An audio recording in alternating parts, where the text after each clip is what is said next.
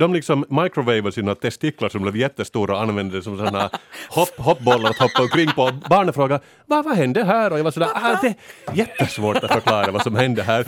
Det här är en podd från svenska YLE.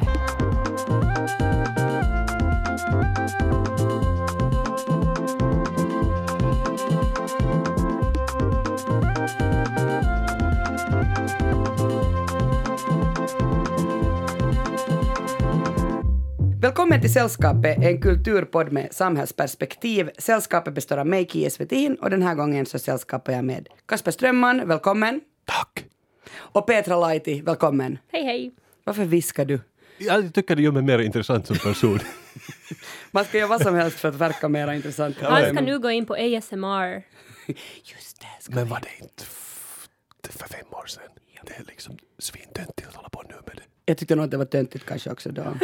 Kasper, vad tänker du prata om idag? Jag har, gått, jag har varit och sett en utställning, Kia, som heter Elmgren och Dragset på museet Emma i Esbo. Den är bra. Alltså många av mina kompisar som jag skulle beskriva som kanske lika kufiska som du har också gått på den. Okej, Eller kanske inte kufiska, men också sådana som tycker om design. Okej, det- om, om det räcker för att vara kufisk så Det räcker för go hard, go hard. Petra, vad ska du prata om? Jag ska tala om Death of the Author. Jag vet inte, jag tror det heter Författarens död på, på svenska, men, men det vill säga att borde vi ta författarnas problematiska åsikter i beaktande när vi läser deras böcker. Sen Alltså jag, väntar du, deras, deras liksom, att, att man ska skilja på person och verk. just det. Och sen har jag många problematiska exempel. Mm. Aj, aj, aj, aj. Det här kommer vi att diskutera. Jag kommer att tala om humor. Eh, jag har tittat på humorn idag och jämfört den med hur den var på 00-talet och på 10-talet. Och, och liksom kommit fram till att jag tycker att, att renodlad dum humor har fått ge vika för sån här smart samhällskommenterande humor. Men jag yrkar på att dumhumorn har gjort liksom comeback. Eller i varje fall sån här ganska, att man, man vågar vara fräck. Och, fräck och smart satir. Att vågar vi skämta igen är kanske den frågan jag ställer. Men, men jag har ju bjudit in komiker Kasper Strömman och komiker Petra Laiti. Jag tror att det här blir just bra. Petra ska skämta om, om sameförintelsen senare. Hej! Nej, det stämmer absolut inte. Och man får inte ens I skämta om would det här. never. Okej. Får man skämta om same... Nej. Nej. Oh. Jag, jag vill berätta åt er om att jag har varit på konstmuseet Emma i Esbo. Lätt att hitta, finns en metrostation nu för tiden. Och sett en utställning som heter bara Elmgren och Dragset 2020. Och det här är två konstnärer, de är, om jag rätt har förstått, en är dansk och andra är norsk. Och har bott i Berlin jättelänge, var ett par i något skede, men är det inte mera. Och, men de jobbar ändå tillsammans sen jättelänge, sen kanske 25 år. Ja, är det för att upprätthålla någon form av spänning? Ja, Man får väl hoppas det. Och jag tycker de lyckas bra i så fall med att upprätthålla sin stämning. Och för det första vill jag säga, helt svinbra utställning. Man ska gå och se den. Speciellt om man är lite kufisk som jag. Nej, Men det- förlåt. Alltså, alltså, du, du kommer... Nej, för, Nej, nej, nej, Jag har sådana men- fördomar. Har du märkt Kasper Strömman fördomar? Nej, nej, men det, det är lugnt. Men om ni någon gång har varit på konstmuseet Emma, det är det, är det som kallas lite luddigt för VG-huset, för det finns många museer inom samma byggnad. Det är ett gammalt tryckeri som är byggt kanske i slutet av 60-talet i, i Esbo och har varit ett konstmuseum nu i kanske 20 år. Va, vänta, VG? Det heter VG-huset, men där är liksom Esbo stadsmuseum, någon leksaksmuseum, klockmuseum och sen Emma, konstmuseet i Är samma inte byggnad. vägen den där ufon som är där på gården? Alltså den hör till, den står sen på bakgården och, Okej. och du köper Så, den. det, så både vet- ufon är VG och... museet Nej, alltså är ufon heter Futurahuset och det är, Och just det, det är ju Futurahuset. är en del av utställningskomplexet. Men varifrån kommer VG? Den hette Weilin och, och Gös, det här, eller Weilin och Gös, det här tryckeriet som någon gång i tiden har varit i byggnaden. Ah, vad intressant. Arkitekturföreläsning. alltså det var, och det var en stor, de hade en logga med ett stort W och ett G på väggen. Så kanske liksom folk bara kände, lo- lokala människor kände till det som VG-huset. Men äh, ingen annan bryr sig ju alls. Och jag tyck- Nu är vi riktigt inne på sådana här nischkulturgrejer. Ja men det är, att de har, de har ju faktiskt byggt upp det jättesnyggt att det är väldigt stram och sådär modern arkitektur. Det är något speciellt med arkitekturen också, att de har sådana betongstolpar som håller uppe hela byggnaden som en hängbro på något sätt som jag inte förstår. Men de har liksom omvandlat det till museum på ett väldigt smart sätt och det är väldigt stram, brutal arkitektur där inne och därför har den här konstnärsduon har varit där inne och kollat och var sådär okej okay, men då förvandlar vi det här till ett stort parkeringshus, hela den här utställningslokalen. För det ser redan ut som ett parkeringshus mm. där man går dit. Men de har liksom gjort det mer extremt, de har målat så här uh, rutor dit som man har i riktiga parkeringshus och de har tagit in riktiga bilar dit som är konstverk. Uh, det är en tre, fyra stycken bilar kanske. Är det deras, alltså du sa att de är ju nor norska, norsk och dansk eh, som är, står bakom. Ja, precis. Så det, det, är det, deras, liksom, det är ju deras konstverk. Släpar de med sig fyra bilar? Det är en installation som består av en massa olika grejer. Där finns till exempel en sån bankomat i väggen och så har någon lämnat en bebis dit, liksom framför den i en, i en bär... Ni vet, sån här grej som bebisar bär sig Vad heter det? Barnvagns... Bärsele då? Inte en sele utan en barnvagns... Uh, koppa? Ja, den. Nåja, okej. Okay. Men det, det pågår allt möjligt mystiskt och de här, de här uh, konstnären själv säger att det ska kännas som man går in i ett mystiskt filmset. Och det gör det faktiskt. De har också byggt upp en sån här publiktoalett i det här utrymmet som är parkeringshus och där pågår det också mystiska saker. De har, och det är enorm liksom attention to detail där, att de har ju liksom gjort hörnen lite gula och tagit in talbar och sånt där. Och där i toaletten när man går in så där finns bara liksom två par jeans på golvet och sen ska man vara sådär varför, men det vet man inte. Och mycket sådana små detaljer som inte ens märkte när man gick äh, omkring där första gången. Att det var ett räcke, jag tänkte helt vanligt räcke, men sen när man kollar lite noggrannare så det är ett väldigt ådrigt räcke. Det var ådror på det räcket. Så det finns liksom ganska mycket detaljer? Det finns jättemycket ja. detaljer. Så står det liksom en, en parkerad bil, en gammal Mercedes från 70-talet och där, där liksom två dockor inne som sover i baksätet. Och de, och, och, men det är rysk registreringsplåt på den här bilen. Och ingenting förklaras. Där finns också en karusell, en hund som bara åker omkring karusell. Ingenting förklaras, men stämningen är jätte liksom speciell där och bra tycker jag. Och, alltså, jag tycker det, det är väldigt cinematografiskt och liksom häpnadsväckande hur de har lyckats förvandla den här lokalen till ett ganska konstigt parkeringshus. Eh, och liksom jobbar jättemycket på de där små detaljerna. Och de pratar själva i intervjuer om att de liksom går igång på den här bilbaserade kulturen som nu genomsyrar typ hela världen idag. Och de vill göra ett statement med sin utställning. Uh, Vänta, säg på nytt, att de, att, vad, vad är det för statement de gör? Nej, det är att, att vår, vårt samhälle, eller våra samhällen i världen är så bilbaserade nu för tiden. Och vissa människor de liksom flexar med sin bil. Och, och man, man behöver bil för att röra sig till olika... Är ni, är ni bilburna? Alltså har ni, har, har ni bil? Det här var det jag skulle komma till, Pia Petra. För fråga mig varför det var en fälla. jag egentligen gillar utställningen. Varför gillar du den här utställningen, Kasper? Ja, han är bra. cyklist ju. Nej, men det, det är det jag tycker. Nej, men det var roligt att du skulle fråga och fördomar, Petra. Jag vill inte höra sådana fördomar. för jag har blivit med bil under coronan. Va? Jag har blivit med bil under coronan. Är ni bilister? Ja. ja. Ni är bilister, så ni är liksom med i den där klubben. Men jag har nu för första gången i mitt liv, jag har köpt 1500 kilogram svenskt stål och plysch från 90-talet. Ah, är det en Saab?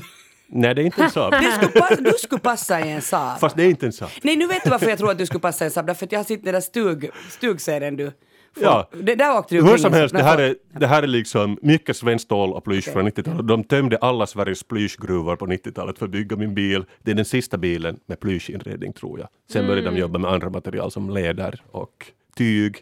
Men det är, de fick avveckla hela den svenska plyschindustrin efter att min bil tillverkades. Det tycker jag är tragiskt. Uh, men jag har haft körkort i typ 20 år, aldrig haft en bil. Nu har jag det. PGA, coronan. Och då förstår ni ju hur mycket jag börjar älska den här utställningen. Mm. För den här berörde mig nu på ett helt nytt sätt. Mm. Förra året jag skulle bara gått in och vara sådär, äh, parkeringshus. Nu är jag sådär, det här liksom, de, de pratar med mig direkt in i min bilistsjäl. Kia Petra, jag har också börjat, nu i och med att jag är bil, jag börjat rösta på Samlingspartiet och jag har börjat kräva att polisen pepparsprayar alla som bara nämner klimatförändringen eller går i vägen för min bil. Fast det gör de ju i och för sig redan nu. Så att liksom, Du bara kör. jag behöver ju inte liksom, men jag, jag, jag brukar köra och sen säga How dare you sit in front of my car? Psst. Jag har med min egen pepparspray nu för tiden. För jag har fått signal från staten och polisen att det är okej att pepparspraya folk som är vägen för bilar. Men det har jag faktiskt funderat på och i och med den här utställningen att jag har förut inte åkt omkring i Sameland eller någon annanstans med bilen så mycket. Men allting är så otroligt fult när man åker bil. Det Vägar, är helt sant. Ja, vägarna är så här att de har bara liksom tagit bort en bit av ett berg och så åker man igenom. Man funderar, kunde de ha gjort någonting av de här bergväggarna här? Men ingen gör någonting. Men det är också liksom bilistens Helsingfors ser helt annorlunda ut. Verkligen, än man hittar ju liksom inte ens. En, en människa som åker sporra. Man ser bara vägar. Ja, Det är bara det. Alltså, Men- men det är väl helt bra att man ser vägar när man kör bil? No, jo, men vet du att, att, att när jag åker bil i en stad som jag inte känner till, till exempel, det, jag har åkt bil i Uleåborg, liksom, jag har åkt bil där rätt mycket jämfört med hur ofta jag har varit i Uleåborg. Och jag har ingen aning om var jag är någonstans i Uleåborg då när jag åker bil. Jag vet bara liksom vad navigatorn säger till mig.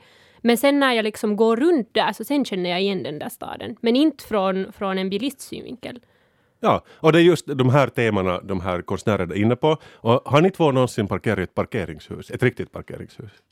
Ja. Ja, det har ni. Är de inte helt... Alltså Kasper, vi har haft bil ganska många men, år. det, men de är helt vidriga. Fattar ni hur vidriga de är? De är jättevidriga. Ja, det är så, hur mycket kostar liksom att lägga lite kakel dit in eller någonting det skulle bli, eller måla väggarna i någon färg? Varför ska det vara liksom rå, eh, sån våt betong som man parkerar i så att det blir så hjulspår där? Jag tycker egent- egentligen så tycker jag att det är lite, mm, det är lite skönt att det är sådär rough. För mig får det vara sådär. Du är hjärntvättad. Ja, lite jobbigt. Vi är nya jag. bilister. Vi, vi, vi, vi funderar nu på det. Jag har faktiskt frågat, jag känner några arkitekter, jag har frågat varför är det så fasansfullt fullt där inne? Och de har bara rycka på axlarna sådär och de säger att att de tycker att det är en service i sig att man kan, eller som de flesta tycker, att man kan parkera inomhus. Så då ska man inte kräva mer än liksom absoluta minimumet. Okej. Ja, så, Intre- så Intressant, det har jag aldrig tänkt på att man kan tänka sådär. en av, kanske jobbar på en av Finlands ledande arkitektbyråer. Och så vara så här. Okej, Ja. men, men jag tycker faktiskt att det värsta med de här eh, parkeringshallarna, det är alltså att det, det är så otroligt lite utrymme. Och att, att jag det där vet ju hur jag kör bil och jag kan tänka mig liksom, okej jag är jätteskicklig, men, men, men så här att alla är kanske inte lika skickliga och det är så små utrymmen att röra sig när man ska backa fram och man ska hitåt och ditåt. Jag tänker liksom att me- mest olyckor händer väl på en, på en Och parkering. framförallt är det fult eller hur Kia? Det är Och fullt, det är fullt. Och har ni någonsin tankare bilar? Det är ju helt skandal hur de ser ut också, bensinmackarna. Men det är sen, vet du, det är en helt egen estetik. Det finns något jättecamp. Det är en väldigt ful estetik. Eller för det första, okej det finns ju bara en kvar typ mera och de är ju jätte sådär färggranna och glada men inte kanske de vackraste. Men jag, jag fattar, vi bilister vi bryr oss inte om skönhet. Vi har gett upp allt sånt. Vi vill bara snabbt från plats A till plats B. Men ibland så stöter man på en sån där bensinstation i Finland som är typ designad på 60-talet och som har övergivits och som någon stackare håller på att ha något indie-café i. Mm, de är liksom, det är liksom fynd. Men den ligger alltid 25 kilometer från den nuvarande vägen som liksom alla åker på. Jo, men vet du om... Jag vet du är en ny bilist så du kanske inte vet det här. Men eh, bensa brukar vara billigare Är det så? längre bort från vägen. Okej. Nå, hur som helst, hela sommaren jag har jag har burit på de här känslorna och jag har känt att jag behöver en katalyst. Någon som liksom sätter ord på mina känslor. Och då kommer Elmgren och Dragset och de gör en utställning om det. Boom! Jättebra. Eller ord och ord, men ni förstår vad jag menar. Och jag har funderat liksom, nu, de här är ju otroligt begåvade helt klart. Och enligt sitt pressmeddelande så äger ingen av dem bil och bara en av dem har körkort. Men varför har vi inte till exempel liksom ordriga räcken i Prismas parkeringshus? Det är en jätteliten sak, kostar typ ingenting, men ingen är intresserad av det. För det är inte så vi jobbar där. Jag tror att det är för att bilister, vi bilister, vi har övergett all skönhet och vi, vi vill bara röra oss snabbt från plats A till plats B. Och samma konstnärs liksom, duo, de har gjort jätteintressanta konstverk tidigare. De har till exempel, nu kommer jag inte ihåg vad det heter, men de har byggt en Prada-butik mitt i Arizonas öken. Det finns en Wikipedia-artikel om det. Det är som en riktig Prada-butik men det är låst, man kan inte gå in dit. Och Vad är orsaken till det här? Alltså vad vill de, upp, vad, vad vill de uppnå? ja, vad vill de uppnå, Kia? Really makes you think. Och, tydl- och tydligen så folk bryter sig in dit då och då. Alltså det är hundratals miles från närmaste bebyggelse och folk, nu, nu har de måste borra hål i de kläderna så att ingen ska liksom gå in och råna den här Prada-butiken mitt i Arizonas öken. Men de, de gör sådana grejer. De har också, någonstans tror jag i Italien, de har byggt swimmingpooler som står på liksom kant. De, de är konstnärer, Kia. Säg- Eh, Jag förstår, du är bilist. Du, du förstår det inte. Nej, och jag vill, jag vill ha ett svar, på, eller så här raka svar. Det ska inte vara något, det ska vara något Du får inga raka svar. Du får en cinematografisk äh, känsla där inne och du får mycket tankar kring bilism. Och, och där finns också liksom två Toyota Prius men de har lite in något rör genom fönsterpoddar. Det finns inga svar här inne. Men vet ni vad jag tänker? Nå. Jag tänker, okej, jag är en människa som kanske då inte åkte bil tidigare men gick på konstutställning. De flesta människor är tvärtom. De går inte på konstutställning men de åker bil. Men jag tänker, det här är den perfekta farsdagsutställningen. För ni vet hur män är. Vi är bara intresserade av motorsågar och kanske våld och leder. Men nu kommer det liksom en utställning som svarar på alla våra drömmar. Att vi liksom, man lirkas in i någon slags fine art. Och speciellt vi bilister. Vi ska gå och se den här utställningen på Konstmuseet Emma i Esba fram till den 17 i första 2021. Man måste betala för parkeringen på, gården, men det kan det vara värt.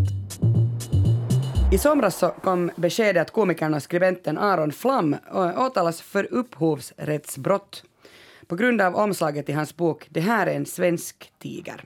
Han, oh, han blev friad igår. Han blev, fri- nej inte var det nu riktigt igår, han har blivit friad för en, för en tid sedan, nu är det väl en vecka sedan. Ah, Okej, men Nej. typ nyligen. Anyway, eh, nu för att ni ska förstå vad jag pratar om så har jag förstås printat. Det här är en svensk tiger. Och det här är en svensk tiger. Nu visar jag här två bilder, men jag börjar med att förklara originalet. Alltså, Bertil Almqvist, han skapade denna svenska tigern, en stiliserad tiger med gula och blå ränder. Den här användes under världskriget för att mana till försiktighet. Aron Flam åtalades för att han har liksom stulit den här bilden och sen gjort, gjort annat av den. Eh, och sen blev han alltså friad. Eh, men helt kort, alltså den här bilden, så, så det, det, det är meningen att man liksom ska...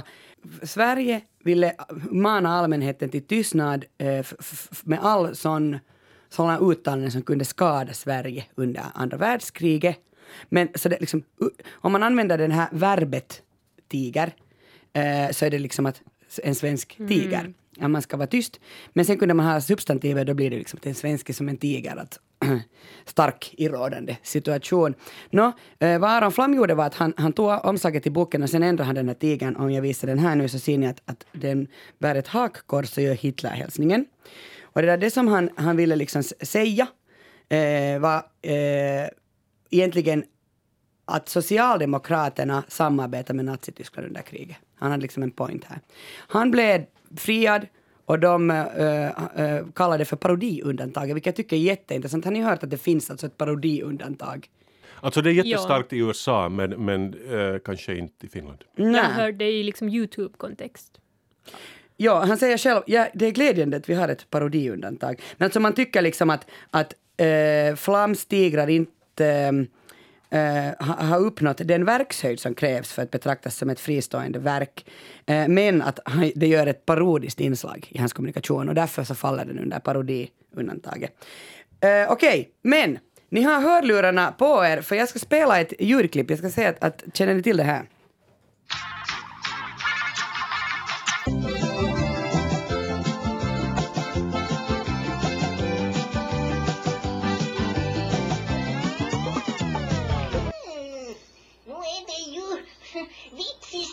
Vitsiskäring.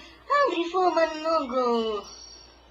Oj vittu, jag glömmer hela tiden vittu vart jag har satt mina rökin. Letar du efter någon pappa? Mina Nortin är helt försvunna. Det måste vara Muminmamman som har gömt undan den igen. Hon gör mig så förbannad ibland den där kärringen. Men Vad sitter du själv och är så sur åt? Nå, inte är det nu någon stor jotto. Mamma lägger i mig karki. Hon sa att jag nog ska vänta till lördagen. Nej, jag vill ha karki nu. Ja, ja, det här, känner ni igen de här? Det här var förra veckans avsnitt av Sällskapet. typ. Det, där, det här är Ted och Kai som gjorde Mumin visar allt. Det här är nog är det 10-15 år sedan? Jag minns inte hur många år Det sedan. här det- var en grej när jag var på lågstadiet. Ja, där ser Ja. vi. Hur gammal var du? Nej, jag behöver inte fråga. jag och Kasper var äldre. Uh, men, men det där, uh, det här alltså, jag tycker nästan kultförklara den här Mumin visar allt.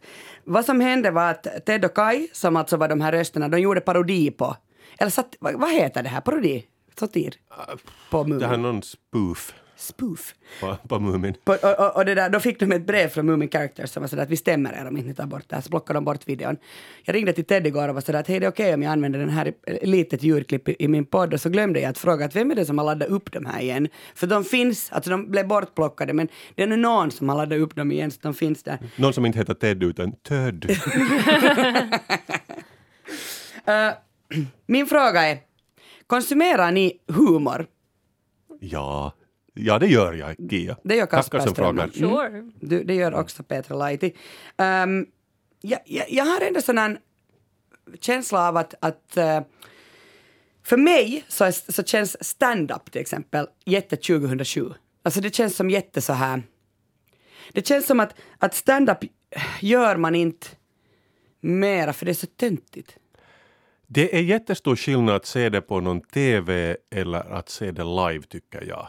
Att som, då det är bra så är det jättebra live men sen om man ska titta på liksom vad hette det, humorkalaset i Dalhalla på TV så är det inte så roligt mer. Man ska, you have to be there, gäller för det här också. Kanske har det något att göra också med det att, att som människor så skrattar vi lättare om, om andra människor runt om oss skrattar. Så det är svårare att skratta när du är ensam i rummet och ser på TV eller från, från datorn. Men om du är i rummet där andra skrattar så är det lättare för Och dig. det har man märkt också när man varit, varit någon gång med i något TV-program där de har en live studio audience och det liksom blir nog bättre stämning när folk peppar upp varandra. Ja, jag måste säga att, att igår just före jag gick och lägga mig var jag sådär uh, Saturday Night Live, alltså borde jag titta den där Bill Burr. Känner ni till Bill Burr, komikern? Uh, nej. No, han är nu en, men oh, Jag, Kasper, jag, jag, jag säger bara för att du ska få förklara. det. Ja, jag tänkte säga, oh, oh, kun- kunde du inte bara säga att ja och så ska jag säga så här, men vad har vi på honom? Ja. Men han är, han är nu en komiker, känner du till honom Peter Laiti? Inte direkt, men det kan hända att jag har nog hört talas om honom sen när du förklarar vem han är. Mm, sko- äh, väl tänker jag, standupare, som har varit ganska så här frän. Han har varit i Finland många gånger. Jag tycker att han var så här stor för kanske, för mig var det för tio år sedan. Och han var just det där att gick ganska hårt åt alla alla PK. Eh, eller han var liksom sådär att han orkar inte riktigt med feminismen och han orkar inte med det ena och det andra. Nå, Äh. Så, så var han på Saturday Night Men det där är just 2007 också. Ja, det är så, ja, om han var edgelord 2007 Alltså så är han bara liksom nu. fånig nu för tiden. Men, men igår eh, när jag tittade på den där, eh, man, man hittar den, det är bara att googla Bill Burr eh, Saturday Night Live, så går han ganska hårt ut mot till exempel the white women, liksom. han är sådär, vita kvinnor, håll käft. Liksom att Black Lives Matter handlar om, om eh, människor med annan hudfärg, deras, eller egentligen handlar det ju om afroamerikanernas rättigheter, men liksom att han var sådär, vita kvinnor sluta, mera Gucci-väskor och så vidare. Nåja, jag orkar faktiskt inte, titta på hela hans stand-up, men, men det du sa Kasper håller jag så med om. Jag tycker bättre om att se på stand-up när det är på TV, för då kan man byta kanal. Det, det vill säga, du tycker inte om stand-up. jag tycker inte om stand-up. Jag tycker, men jag har ju tydligen, jag har ju något, hyser agg mot allt som framförs på scen. Men du har nog rätt i det där att liksom, äh, det har säkert förändrats jättemycket för jag kommer ihåg, kan det ha varit sommaren 2019, typ ett och ett halvt år sedan, så var alla kulturskribenter skrev om en australiensisk stand-upare som hette Nanette, kommer ni ihåg Ja, det? ja. Så alla var sådär, det här är det viktigaste som har hänt inom stand-upen. Det är så viktigt, det är så viktigt. Och jag kollade in då, det var en, en och en halv timmes stand-up, kanske på Netflix, kanske finns den ännu också där. Och hon berättar sådär otroligt tragiska saker om sin uppväxt som en LBTQI plus människa och, och det hade hemskt hemska saker. Och publiken var sådär, de var väldigt allvarliga och jag skrattade inte en enda gång. Och då tänker jag, det här är ingen bra stand-up. Det, det är liksom berörande historia om henne själv, men du har missat poängen med stand-up helt om jag inte skrattar en enda gång under en och en halv timme. Nej, Alltså jag orkar inte titta på den. Och, och jag funderar, för, för samtidigt var, det finns en komiker som heter Eliza Schlesinger som gör väldigt sådär light feminism. Att, att hon liksom har sådana skämt som att Hej ladies, att era bilar har ni inte väldigt stökigt där i liksom mellankonsolen och alla var sådär yeah! Men så smög hon in lite sådana feministiska statements och det fungerar mycket bättre om man tar medicinen med en liten sockerbit eller om man bara berättar hur, hur många gånger man blivit våldtagen. Kanske är det väl så att, att det, no, komedi överhuvudtaget är ju jättesubjektivt, att vi skrattar ju åt helt, helt annorlunda saker, men att, att kanske är det också en smakfråga sen att, att hur mycket seriösa saker man kan tåla emellan vitsar för att fortfarande kunna ha roligt. Och, och sen också att, jag vet inte med den här Nanette, att, att um, kanske så tillhör vi inte den kretsen som kan se humorn i i det som hon säger. Och jag, jag tror att hon är jättekänd i Australien och mm. folk har varit vana att hon har tramsat i åratal och sen när hon gör något seriöst så blir det mm. annorlunda. Men för mig som ser första gången jag sådär, ja men jag vill kanske också ha det där roliga. Mm. Men sen så är det liksom att, att, att all humor, speciellt humor som kommer från liksom minoritetskretsar, behöver ju inte heller vara riktat åt majoritetsbefolkningen eller, eller speciellt i den här, det här fallet så LBTQI plus humor behöver ju inte vara riktat alls åt liksom en, en heteropublik. Nej, nej. Men, okay, men den var inspelad på en arena så jag antog att väldigt många mm, människor jo, ville se henne. Ja. Hörni, men det har kommit en bok som heter Provokatörerna som är skriven av Filip Gifter Svensson som jag har läst och den är det där den tar nu kanske i den här äh, svensk humor äh, under 20 år, till, eller, ja, 20 år tillbaka. Bland annat så äh, 2018 så, så var det under några veckor så var tusentals svenskar rasande. Eh, det är en låt som har getts ut eh, 2015 eh, som anklagas för att normalisera pedofili och såra människor. Och mitt i det här drevet så stod rapparen och komikern Anton Magnusson, alltså Mr Cool, och hans kollega Simon Gärdenfors.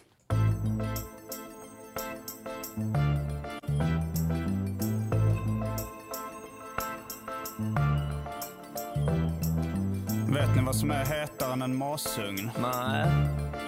Ett riktigt bra barnknull. Vet ni vad som är skönt när man är bakfull? Nej, det vet jag inte. Ett riktigt bra barnknull. Vet ni vad som är mer givande än en pratstund? Nej, vad skulle det kunna vara? Ett riktigt bra barnknull. Jag har en son, traumatiserad efter åratal av övergrepp. Lite långt namn kanske, men det passar honom perfekt. Det här är alltså Knulla barn av uh, Mr Cool. Uh, har ni hört denna låt tidigare? Nej. Nej, det var väl alla möjliga retorikexperter som sen blev galna när de hörde den fyra år efter att den kom ut. Ja, det, det är faktiskt det som den här eh, provokatören också handlar om, att det blev ett drev mot dem eh, efter att den, alltså flera år efter att den kom ut. Eh, eh och liksom att, att en komikergeneration eh, på något sätt liksom, mm, de fick eh, ändå, de hade en skara fans som sen stod upp och, och, och försökte skydda dem. För att så den här låten var inte menad liksom åt alla. På något sätt. No, när han förklarade den här uh, Anton Magnusson så säger han att det här var som South Park. Liksom. Jag försökte göra en South mm. Park-grej. Uh, det här är inte på riktigt, det här är humor. Alltså det, det är inte, de här barnen finns inte på riktigt. Det här är inte pedofili, pedofili utan jag bara vände om allting. Uh, Nåja.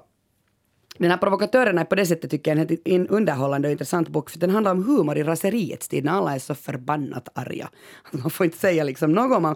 Alltså du ska, alltså, och sen finns det komiker som anpassar sig efter raseriet och sådana som inte gör det utan provocerar och så blir det sådana jättestora drev. Följde ni med det här när det hände förresten? För sen, den, låten hette ju Knulla barn och folk var ju rasande för det. Men sen hur det slutade var att de spelade in den på nytt och nu hette den Rulla garn. Det var inte alls roligt. Nej, liksom in, på, ing, på inget sätt. I, ingen liksom blev jättearg och tvingade Spotify att ta bort den. Um, alltså, jag tänker så här att, att uh, det går ju en hel del mental energi åt att fatta ett skämt.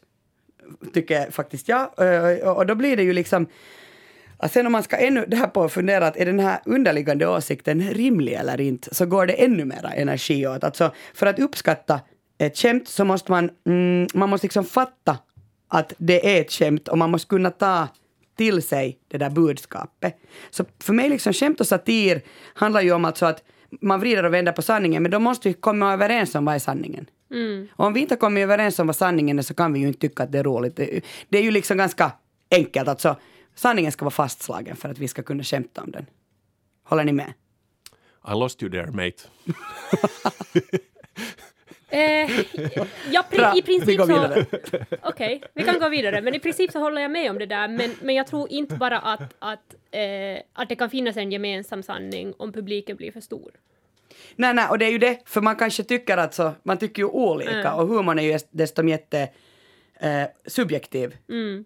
Eh, men det som också diskuteras i den här boken är att det är ett förändrat medie, medielandskap och det är alltså en ganska central grej. Det betyder alltså att stand-up är inte mera en primär inkomstkälla för komiker utan de kan ha sina egna YouTube-kanaler eller sina egna poddar. Och där har de 3000 så här ho- hardcore-fans och de följer, liksom, du kan skämta om vad som helst, du kan skriva en låt som heter Knulla barn. Och de kommer tycka att den är sjukt rolig för det är dina fans. Du behöver inte mera gå ut på de här enorma plattformarna och det är där jag också tänker att problemet liksom blev att, att Sissi Wallin eh, till exempel, eh, som var en av dem som startade drevet mot Mr Cool och Knulla barn då 2019, tillsammans med Mia Skäringer. Så det, det var här var inte ett skämt de tyckte inte att det här var roligt. Det här ska vi inte skämta, vi ska inte skämta om sånt här. Och det, det är just det här att, att det var inte meningen att de kanske, de, det, var inte, det var inte deras typ av, av humor. Nej, nej, men du har rätt. Alltså, det har blivit smalare allt här i samhället. Om man är jätteintresserad av vad som helst så finns det en Youtube-kanal för att, jag vet inte, Nej, men för allt. för Men, men lergökar. samtidigt kan man väl ställa frågan liksom att, att om, eh, om sig komiker liksom skapar sina egna fansbubblor eh, med de där Die Hard-fansen som, som på ett sätt följer och gillar allt som de gör, så bildas det inte då en sån här echo chamber där, där de där komikerna också på ett sätt, de får en sån känsla att, att det är okej att, att på riktigt kämpa, kämpa om vad som helst och att, att det inte finns gränser åt deras fans, så är det inte också på ett sätt en risk åt en komiker att då följa efter de där spåren och sen möjligtvis skapa en raseri åt en själv senare. Men det är konstigt det där för att äh, jag har funderat, å å ena sidan finns det väldigt så här smala liksom, outlets för väldigt äh, grov humor. Men sen, jag hade inte kollat på South Park på säkert 15 år och det kom på TV och jag kollade med barn och jag tänkte det kan väl inte vara så farligt. det var! Och det, men det kom ändå liksom åtta tiden på kvällen och de, de liksom microwavade sina testiklar som blev jättestora och använde det som sådana hopp, hoppbollar att hoppa omkring på. Barnen frågade vad, vad hände här? Och jag var sådär, ah, det är jättesvårt att förklara vad som hände här. Och då, då tänkte jag att det, var, att det här är ändå jättemainstream, att det här händer på sådär klockan åtta på kvällen och barn tittar. Så att å andra sidan har vi blivit desensiterade för sån här humor. Men därför är det också extra konstigt att en sån här låt kan bli så upphaussad på fel sätt. Um, Alex och Sigge uh, pratade i deras senaste avsnitt av Alex och Sigges podcast om, om humor också. Så att, att, att tyck, då på 00-talet så fanns det Vänner och Seinfeld. Och tyckte du om, alltså, om man delades in i två olika lag? Här. friends don't let friends watch friends. Okej, så är du, är du en Seinfeld? eh, Är du, vilken sida det är var du? klart jag är Seinfeld, Mm. men hallå. Tittar du på någon av de här Petra? Nu vet jag inte om du... Eh, jag kollar nog på ung. Friends då. Ja. Eh, och Du är- Frasier. Men man kollar väl på båda egentligen. Ja, alltså jag måste säga Eller- eller De är typ på. efter varandra. Eller i själva verket har jag faktiskt bara kollat på Friends då när det begav sig och sen Seinfeld har jag sett i efterhand någon gång, kanske på 2005 sådär på DVD. Just det. Ja. Just det. Eh, eh, nå, I varje fall så, så menar då Sigge att, att här var liksom skillnaden, att det var sån här dajo-humor, alltså dum humor som då vänner, alltså Friends var ju såhär, du sitter på ett café, ingenting händer. Och, och det jag tycker är intressant att de är inte alls samhällskommenterande, alltså man kan ju visa den här på nytt och på nytt, det har ingenting att göra med någonting som händer just nu i Ja, och samhället. också världens mest populära serie år 2020, Friends. Ja, är det inte så? jättekonstigt. Det är Jo, så konstigt. Det är, det är det. Eh, Men i varje fall så att liksom, eh, då för 20 år sedan så skulle humorn vara så här korkad och, och, och man skulle lätt kunna ta den till sig. Och för 10 år sedan så skulle den bli smart för då dök den här politiska korrektheten upp. Men jag tänker liksom att humor går väl i cykler, att det kommer igen att, att komma tillbaka till det här. Mm, säkert. Eh, Men, men att i varje fall då så att humor på 2010-talet den skulle vara väldigt, väldigt smart och samhällskommenterande. Eh, och, och sen blev det på något sätt som så att vi under 2010-talet mer och mer började titta på allting ensamma. Alltså, förr i tiden så kommer jag ihåg att jag, när jag tittade på serier var det så här, nu kommer det Ally McBeal och då visste jag att det var en viss tid på onsdagen, klockan nio kanske på onsdag kväll och då tittade ju alla samtidigt. Du hade en sån här pappersstig när du med kulspets skulle ringa in när det kom. Nej men jag var sån, jag älskar Ally McBeal och, och Melrose Place. Det var, Melrose Place var min favorit. Nej men idag är det ju inte så. Idag är det ju sådär att man tittar när man vill och också du är jätteensam i, din, i ditt tittande, du är ensam i ditt scrollande. Också titta på, på knulla barn-videon eller att titta något annat YouTube. Alltså, men jag tänker så här att eh, Larry David som var med och skapade Seinfeld tillsammans med, med Seinfeld. Han gjorde ju sen serien Curb Your Enthusiasm. Efter säg på det. svenska, vad heter det nu? Simma lugnt Larry. Världens roligaste ja. Ja. Men äh, och, och kom, han kommer ut med en ny säsong i höst, att han har gjort samma humor ända sedan 90-talet. Och till exempel, du nämnde Simon Gärdenfors tidigare som var med i den här låten. Så han har ju en Youtube-serie som heter Mina problem, som är jättebra och han säger att han är världens största Larry David-fan och det är jättemycket som som Curb Your Enthusiasm. Så den här humorn har ändå varit där nu i 25 år. Åh, i- intressant. Eh, men, men i varje fall vad jag tänker liksom är att, att i och med att vi har blivit ensammare i, våra, i vårt tittande, när vi tittar, så har vi liksom gått, vi vågar kolla på töntiga klipp. Jag vågar sitta och titta på Mr Cool och tycka att det är roligt, för det är jag som tittar, det är bara för mig. Eh, och då menar jag att det har skett ett sånt här skifte igen, alltså att eh, vi vågar igen vara absurda och sjuka. Alltså, och nu, nu säger jag inte att Jonathan Unge är sjuk, men jag tycker att Jonathan Unge är en av mina, alltså mina favoritkomiker. Han är smart och han är, ibland säger han helt absurda saker. Och han vågar säga liksom vad som helst. Um, och där kommer jag in till en ny dokumentär som ligger ute på Svenska Yle som heter Den finlandssvenska metoden. Vad hände Inko Henriksson Tikkanen? Har, har ni lyssnat på den här? Hela den här intron bara för att plugga den här Va, serien. bara därför. Ja. Uh, jo, uh, du bad mig lyssna på den och det har jag gjort. Jag kände mig personligt attackerad när jag lyssnade på den. Okej, berätta. Den här, eh, det, vad är det? Är det någon dokumentär, liksom fake dokumentärserie som ligger ute någonstans? Jag, jag lyssnade bara det här ena avsnittet. Det, det är nog bara den delen. Okej. Det, det är den finlandssvenska metoden. Okej, och- men det fanns många avsnitt i samma... No, men hur som helst. Den, den- går under, ja, alltså för den, görs för dokumentärer. Ah, Okej, men det var liksom en fiktiv... Det var en, en, en mockumentar, en mockumentary, en mockumentär om en fiktiv person som jobb, har jobbat i kanske 30-40 år i svensk Finland och glider omkring på en räkmacka bara för att man kan ansöka om stipendium. Och där jag kände mig speciellt personligt attackerad var att hon hade också gjort en barnbok, för det kan man alltid göra om man inte tittar på någonting annat. Men tyckte du att den funkar? Var det här, var det, är det här satir? Den påminde om en gammal Grotesco-sketch där de har kulturella finnar som sitter och pratar litteratur. Den är för, för övrigt rolig, den måste vi lägga eh, en länk på det här. Absolut, vi Ja. sätter det i, på arenan. Eh, ja, alltså eh, den var kanske lite lång, men den hade absolut poänger och jag tyckte den var som roligast när de gick lite för långt som det var någon sån gymnastiklärare som har kollat på sin 14-åriga flickvän som sprang i stafettkarnevalen. liksom, då, då började vi närma oss det här knulla barn liksom, segmentet igen.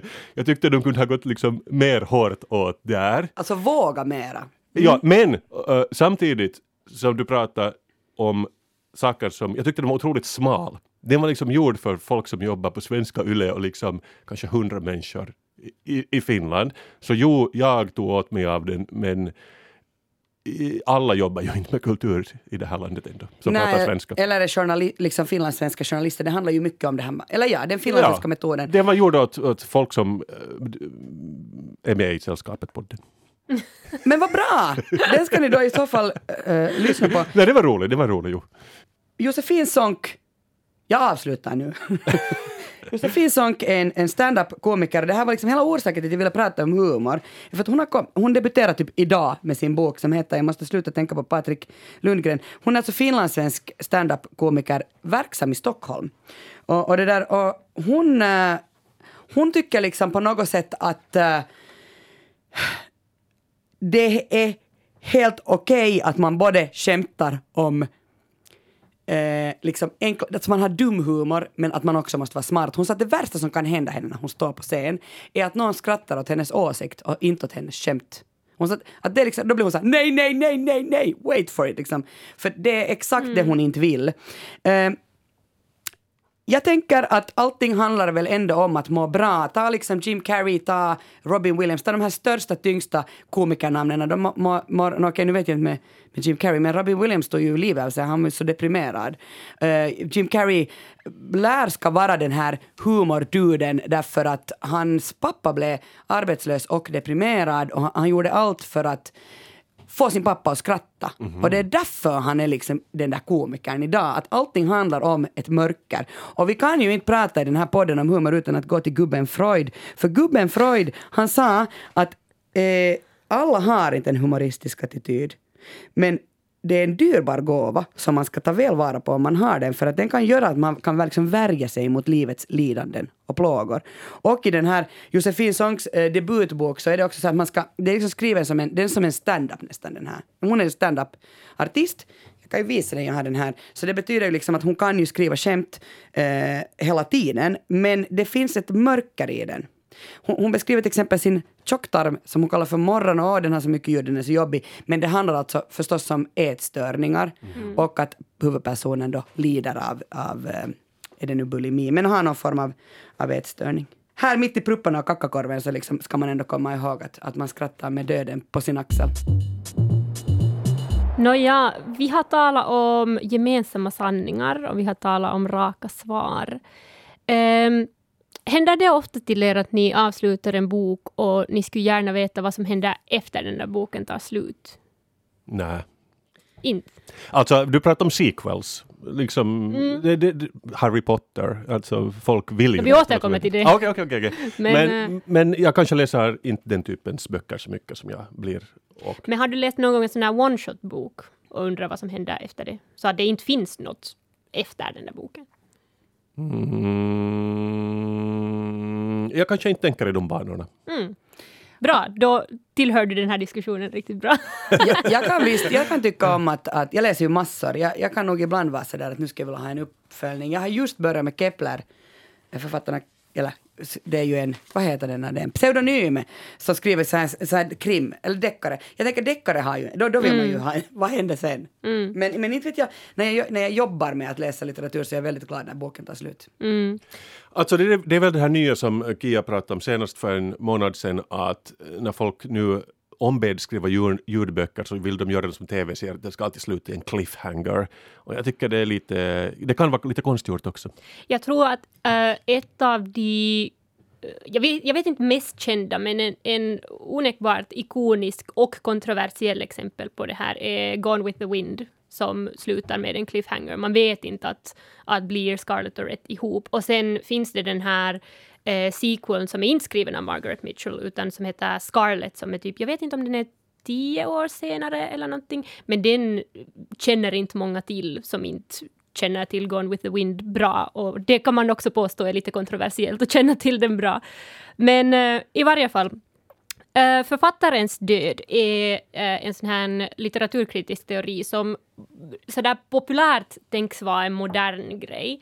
Men egentligen så är den först skriven av en fransk uh, man som hette, och nu vet jag inte hur man uttalar det här, men Roland Barthes, jag tror det uttalas Bart.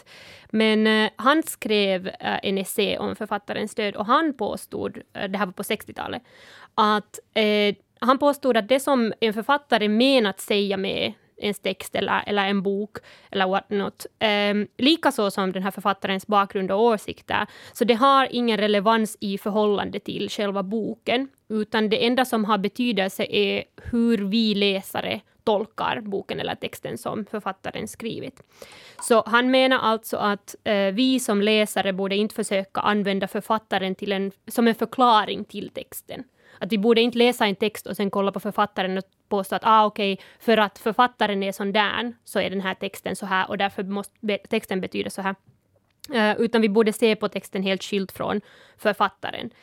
Um, det vill säga, om en som, från en individuell perspektiv, så det som jag som läsare får ut av en bok, det borde vara sanningen om den där boken till mig. Och jag som läsare borde inte behöva ta andra tolkningar i beaktande. Det var den här Roland Barth uh, eh, tänkte. Och vill man sen ta en bredare syn på den här teorin så, så kan man också kalla det för konstnärens död. Att, att, för vill man ta en sån här ställning till böcker så varför skulle det inte liksom gälla andra konstnärer? Man kan tala om målarens död och artistens död och så vidare. Men eh, vad tycker ni? Borde, ehm, borde konstnären eller författaren vara liksom den högsta auktoriteten när det kommer till deras verk eller böcker? Pratar du om att lägga sitt ego åt sidan? Är det egentligen det, eller du eller Roland Barth som pratar om? Nå, nu är det jag. Okej. Roland Barthes är inte... Han är inte i rummet. Men är det det, det det handlar om i grund och botten, om man kokar ner det? Ja, att, att borde liksom... Att är, är författaren eller konstnären den som får vara den enda förklararen till verket? Jag har kollat på den här nya serien som är faktiskt ganska bra, den här I may destroy you. Och liksom mycket av händelserna utspelar sig på en bar som heter just Ego Death. Det känns att det här ligger väldigt mycket i tiden också. Att Alla pratar om att lägga egot åt sidan, men gör de det verkligen? Mm. Ja. Alltså tänk vilket att du, ja, du kopplar så här, wow. men, men det där, jag måste säga att ja, det har ju just delats ut ett, ett Nobelpris i litteratur och då har jag ju tänkt på Peter Handke som var ett ganska kontroversiellt val. Han fick 2019 års pris. Och där tänker jag väl att man, alltså väl, där, där tycker jag att det är helt okej att se honom, alltså att, att, att han var en förintelseförnekare, han går hand i hand med Slobodan Milosevic. Liksom att, jag tycker han är ganska knepig författare, jag vet inte om jag vill läsa hans böcker.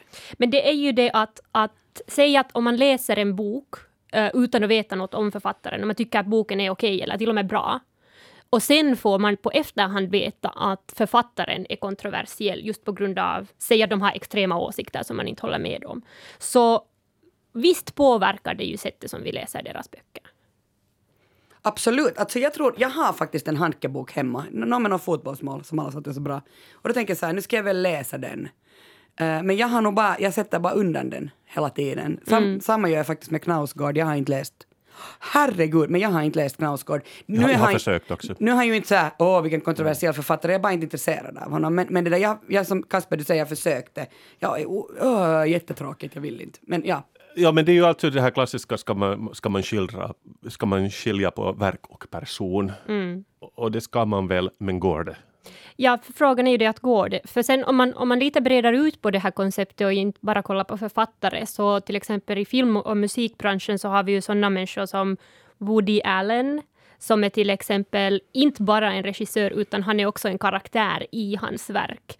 Eh, och då, eh, om man säger jämför Woody Allen med, med Harvey Weinstein, som liksom producerar de här filmerna, som på ett sätt så man kan se på en film som Harvey Weinstein har producerat och man kan till exempel veta om hur han påverkar den där filmen. Men han är inte där på skärmen. Och man kan tänka sig att okej, no, men vi vet vad som hände med honom och han fick liksom justice uh, i slutet. Men att Woody Allen är inte bara regissören av hans filmer, utan han är ofta med i de här filmerna. Så det är liksom rätt där framför ögonen. Så kan man se på Woody Allen-filmer och inte tänka på han, han som liksom en kontroversiell människa. Eh, kok, är inte, liksom det kokar väl väldigt mycket ner också till att många människor automatiskt kanske grundar huvudpersonen i en bok på sina egna erfarenheter, åtminstone till en viss mån. Det är väl omöjligt att skriva om någonting man kan absolut ingenting om. Så då, ah, det är väl så att det automatiskt blir som en inbyggd, inbyggd del av boken, vare man sig vill eller inte. Mm. Och sen så är det ju liksom, jag vet inte, det kanske blir en annan, annan slags situation också om personen i fråga är, är död, till exempel. Om vi talar om fast, säg Picasso eller Michael Jackson. Eh, så det är ju liksom, där har vi inte bara en person som inte eh, längre liksom kan sättas till rätten för det som de åklagas för, men också att deras verk håller en liksom nostalgisk eller en, en kanske till och med en sån här uppfostrande minnen hos, hos de där fansen, att man har växt, växt upp med de här, man har blivit uppfostrad liksom så att man, man lyssnar på, på den här musiken eller och så vidare, att, att det blir liksom sådana här nostalgiska minnen som är väldigt liksom kära åt folk. För nu på, på det där, på coronavåren, men alltså på hösten tror jag att den har kommit till biograferna, är det Roman Polanskis Checuse, som handlar om Dreyfus. Uh, Dreyfus. Men, men där är det ju också, Roman Polanski är ju lite knepig. Mm, han är definitivt knepig. Och, och, och, och, och där gör han en film där han egentligen är så där, försöker för, kanske förklara sin oskuld eller skuld. Men, men, men jag tycker att eh, med Michael Jackson så försökte jag, jag är en extremt stor Michael Jackson-fan eh, när jag var ett barn. Kan man lyssna på Jackson 5 men inte Michael Jackson? Ja, men- han var barn när han gjorde det. Men nästan så att då före han blev en förövare, för sen såg jag den där Leaving Neverland, eller vad den Jo, jag såg den också. vidriga dokumentären, men, men det där, jag kunde inte sen mera lyssna på Michael Jackson, och jag, liksom, han har öppnat musikvärlden för mig, så jag har lite problem med honom, och det, jag kan inte påverka det, jag försökte så här, skilja på verk och, och person, men det går inte. Mm. Och det är liksom, vi kommer till eh, elefanten i rummet som är J.K. Rowling. Ehm, för, för mig så är J.K. Rowling en slags Michael Jackson. För jag Mhm. växte upp med Harry Potter-böckerna. Jag var en otroligt stor Harry Potter-fan. Till och med min Twitter eh, brukar vara en Harry Potter, liksom sån här fanskonto. Söt nos. Eh, Lol. Nej, men alltså, jag, jag var i exakt rätta åldern för att kunna eh, växa upp så att det kom alltid ut en ny bok i takt med, med den åldern som jag var i. Eh, och nu är det ju så att, att ehm, vi ligger i en tid där det inte längre behöver vara ett mysterium att vad en författare har menat med sin, sina texter och sina böcker. Och J.K. Rowling är ett extremt exempel på att hon, hon sitter ju på Twitter och inte bara skriver transfobiska saker, men hon också sitter där och svarar på frågor att vad hon har menat med saker som hon skrivit i texten. Så hon är ett ett liksom extremt exempel på att, att man kan inte komma undan hennes liksom auktoritet i det som hon har skrivit. Och, och det som jag upplevde nu med, med Harry Potter, för då när eh, eh, hon började den här liksom, transfobiska retoriken så eh, Alltså jag liksom såg det direkt. Och då gick jag tillbaka till böckerna som jag äger och, och läste dem igenom. Uh, för jag var liksom, jag undrar att hur min upplevelse förändras när jag läser dem. Och, och jag måste medge att min upplevelse hade inte förändrats så mycket. Jag såg fortfarande på de här böckerna genom liksom en, en nostalgisk lens. Och det enda som jag fick ut av de här böckerna när jag läste dem på nytt var att jag återupplevde de där minnena som jag hade i samband med de här böckerna. Men sen när min, äh, min pojkvän, som inte har läst Harry Potter-böckerna, han läser dem nu liksom som en vuxen. Och min fråga är, hur fick du honom att läsa dem? Nej, jag bara De liksom... verkar svintråkiga. När vi diskuterade J.K. Rowling Ah, okej. eh, och han var sådär att ah, okej att... att Men läste han att- alla? Nej, han, ja, han håller på att läsa dem alla.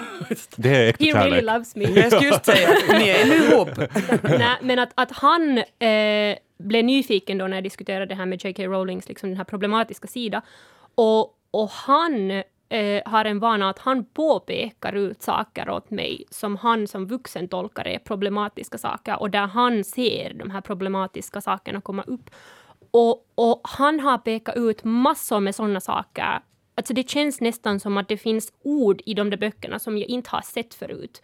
Att, att när man läser det från en, en, en annan läns helt enkelt, och man inte har någon nostalgi och kärlek för de där minnena som man har fått ut av de där böckerna.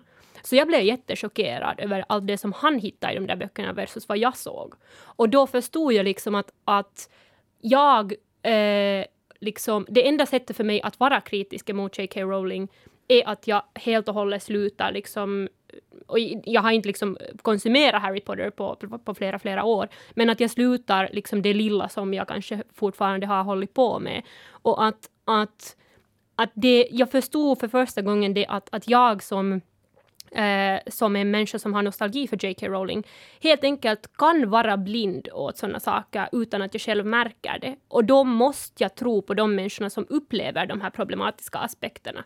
För jag kanske inte själv de facto märker de där sakerna. Tycker du de är farliga? För jag, alltså jag har en nära släkting i rakt nedstående led som läser de här böckerna hela tiden om och om igen. Just as we speak. Mm. Men är det, borde jag liksom bränna de böckerna? Bryta hennes trollstav i två delar? Jag blir liksom det här, det här släkt, nära släktingen, kommer den att bli en transfob? Ja. Nej, alltså jag tror inte. Eh, Och det här var ju en diskussion ett par månader sedan. Jag tror det var en kolumn där det var en människa som, som läser Harry Potter åt sina barn och sen bara censurerar saker som hon tycker är problematiska. Och nu vet jag inte riktigt. ehm, jag tycker inte att de där böckerna eh, är så pass eh, komplicerade att, att man kan få liksom direkta åsikter från dem. Det handlar ju mycket om att det är bara good versus evil, slutligen. Men jag tycker att det som J.K. Rowling håller på med, att hon liksom insätter sin auktoritet i vissa delar av de här böckerna, det är liksom det farliga. För hon, ehm, på ett sätt så gör hon sån här tokenism att, att på efterhand påstår hon att okej, den här och den här karaktären var sån och sån och att, att här har vi en regnbågskaraktär och här har vi liksom etniska minoriteter. Och när det inte kommer upp i de där böckerna så kan man tolka det, och man borde också tolka det tycker jag, som falskt. Ehm, och liksom falskt beteende helt enkelt. Men att, att problemet är ju liksom inte ja, sist och slutligen så handlar det om, om jättesimplifierade liksom såna här avatars av, av arketyper i, i barns litteratur, barn och ungdomslitteratur. Men, eh, men jag tycker hon som en sån här public figure är farlig med sina åsikter. Så, så jag vet inte, kanske, kanske så, så har jag kommit liksom, jag har hittat någon slags eh, ro i det att, att ehm, att jag kan välja att behålla goda minnen som jag har av, av Harry Potter. Men jag kan inte se bort från den här problematiska figuren som J.K. Rowling är. Alltså jag, det, här, det här är inte en författare men eh, det fanns någon gång en sån här hipster-tidning som hette Vice. Jag tror den, den finns ännu som liksom nät men det var en riktig tidning kring år 2005 och där en kille som hette Gavin McInnes skrev en massa artiklar och han har ju nu senare kommit ut, han säger att han är inte alt-right, han är alt-light. Och han har startat bland annat de här Proud Boys. eh, De här. Oh my God. så men, right men, men han höll inte på med det för liksom 15 år sedan. Och, men jag såg någonstans en sån här eh, kompilation av alla de här tidningarna. Jag började bläddra i den och så sa jag, men här är det de här artiklarna. Han gillar inte invandrare och han gjorde det inte för 15 år sedan. Mm. Och, och, men han skrev om mycket annat också som är ofarligt, som äta tuggummi och så här, Ja, ja. helt andra saker. Men så tänkte jag att kanske jag också är hjärntvättad eftersom jag liksom svalde då de här artiklarna samtidigt som de här artiklarna om musik eller mode eller, eller vad det kunde handla om. Så att det, det finns nog ju, liksom, och han är ju han är ju absolut inte liksom, eh, vad ska man säga, han är personen non grata nu för tiden eh, i, i väldigt många cirklar. Men att det, det, det finns någon slags släktskap i det där du pratar om här. Mm, definitivt. Ja, alltså det, ja, det, här, det, det här hör nu inte men jag tänker så här på eh, Astrid Lindgrens bok eh, när Pippi far till den där Söderhavsön. Den har jag jättesvårt att läsa eh, för, för mitt barn vars pappa är från Karibien. Aha, okej. För det blir jättekonstigt, alltså han är ju så här bara, varför behandlar de där, varför behandlar Pippi de här andra barnen så här? Och det är nog, så jag bara tänkt så här, men jag läser bara inte den. Men Harry Potter hade jag nog tänkt läsa. Jag måste, jag måste nu fundera, lyssna på den här podden på nytt och fundera, ska man eller ska man inte? Men alltså jag tror i förhållande till Harry Potter så det, det är ett så pass stort franchise. Det är liksom arguably ett av de mest liksom ehm, ja, mest liksom successful ungdomsböckerna som, som vi har. Så det, det är svårt att undvika eh, sättet som Harry Potter har påverkat ungdomslitteraturen. Hade vi inte Harry Potter så skulle vi kanske inte ha Hunger Games eller vi skulle inte ha liksom andra ungdomsböcker och såna här franchises. Um, så det är svårt att liksom undvika serien i sig. Uh, men jag tycker nog att, att det måste föras en diskussion i samband med att, att när, när vi liksom... Att, att I förhållande till henne, till J.K. Rowling, så finns det inte något sånt som att man bara passivt läser de här böckerna. För hon är ju liksom multimiljonär och hon använder ju sin röst och sina Sin fonder och sin makt till att pusha de här transfobiska eh, transfobiska retoriken i Storbritannien. Men, o- men okej så här Petra, du säger att du har en um, Twitter-fan uh, account ändå också. jag brukade ha det. Folk läser en Harry Potter-bok, det kommer vara problematiskt ställe, så kanske de kanske kan twittra till dig vad du nu heter, kanske Hermione95. och sen får du liksom reda ut vad som var problematiskt med det. Du kunde vara en Twitter, uh, en sån här en uh, Harry Potter helpline. Ja, jag vet inte riktigt. Men att, att, att helt enkelt så, alltså sättet som man, man sen tänker på J.K. Rowling, så det är ju liksom personliga val sen. Att man, det är helt upp till individen sist och slutligen. Men att, att man kan inte bortse från det som hon har blivit. Hörni, allt som är roligt eh, fortsätter att vara roligt. Men i varje fall tänker jag säga ändå tack Kasper Strömman för sällskapet. Det var så lite så kul. Tack Petra Laiti för sällskapet. Tack! Och har ni lyssnare där ute något på hjärta, ni kanske inte håller med oss, det kan ju hända, då får ni skriva till oss, till exempel på min mail, det är kia.svettihin.yle.fi, eller kontakta via mina sommarkanaler eller Yle Kulturs Instagram. Alla referenser och hänvisningar hittar du i avsnittsbeskrivningen på arenan. Nästa vecka sällskapar jag med Andrea Reuter och Elmer Bäck. Ska vi säga alla tillsammans, hej då! Hej då. Hej då! Jag menar att ni skulle säga tillsammans. Ja, jag vet, men okej, vi, vi, vi, vi kör tillsammans. Okej. Ett, två, tre, nu. Hej då!